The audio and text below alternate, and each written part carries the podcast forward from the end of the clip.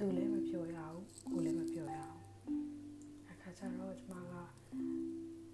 အစာအုပ်လေးဖတ်ရင်ပဲကိုယ့်အနာကိုနေလိုက်တယ်အခုကျမဖတ်ပြမယ်စာအုပ်ကမထထထွန် waterfall ရဲ့နေတိုင်းပြောပါတယ်စာအုပ်ထဲက chapter 38ပါပြစ်တင်ဝေဖန်ခံရရင်မတုံ့ပြန်ပါနဲ့တဲ့လောကမှာပြစ်တင်ဝေဖန်ခံရတာလွတ်တဲ့သူမရှိပါဘူး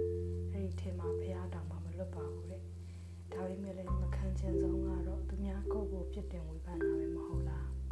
မဟုတ်ဘဲနဲ့ပြောပူတောင်မခံရင်သေးတယ်နော်သူလည်းဘာမှလည်းတကယ်မသိပဲနဲ့ငါ့ကိုပြစ်တင်ဝေဖန်သေးတာငါလည်းသူ့ကိုပြန်ပြောတယ်လေဘာဖြစ်သေးလဲဆိုပြီးသူ့ကိုပြန်ပြစ်တင်ဝေဖန်တာတွေလုပ်မိတတ်တယ်နော်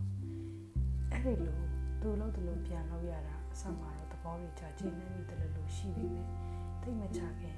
ငါတော့တော့စန်တန်နေနဲ့အလုပ်ကိုလုံးမိပါလားဆိုပြီးမနေတော့ ကိုကြောင့်ကိုတွေးပြီးရင်ထဲမှာမကောင်းဘူးအဲ့ဒီတော့ဝေဖန်တာပြစ်တင်တာတွေခံရရင်ဘယ်လိုသဘောထားရမလဲ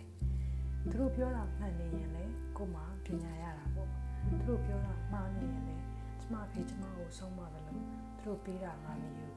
သူတို့လုပ်လို့ပြန်မလုပ်ဘူးဖြည့်ရှင်းနေလို့လည်းမလုပ်ဘူးသူတို့ကြောင့်ငါလောကရံကိုခံနိုင်ရှိလာတယ်ဝေဖန်တာခံရရင်ငါစိတ်ကပူခိုင်းမှလာနေနေပဲသူတို့မဟုတ်တာ ဝေဝေဖန်တာခံရတိုင်းငါအတွင်းစိတ်တဲ့အင်အားပူကြည့်လာတယ်သူများကိုယ့်ကိုဖြစ်တဲ့ဝေဖန်လိုက်တိုင်းကိုယ်စိတ်ကလှုပ်ရှားသွားရမယ်ဆိုရင်ကိုယ်စိတ်ကသူများပါစပြားနှမ်းဆုံးသွားမှာပေါ့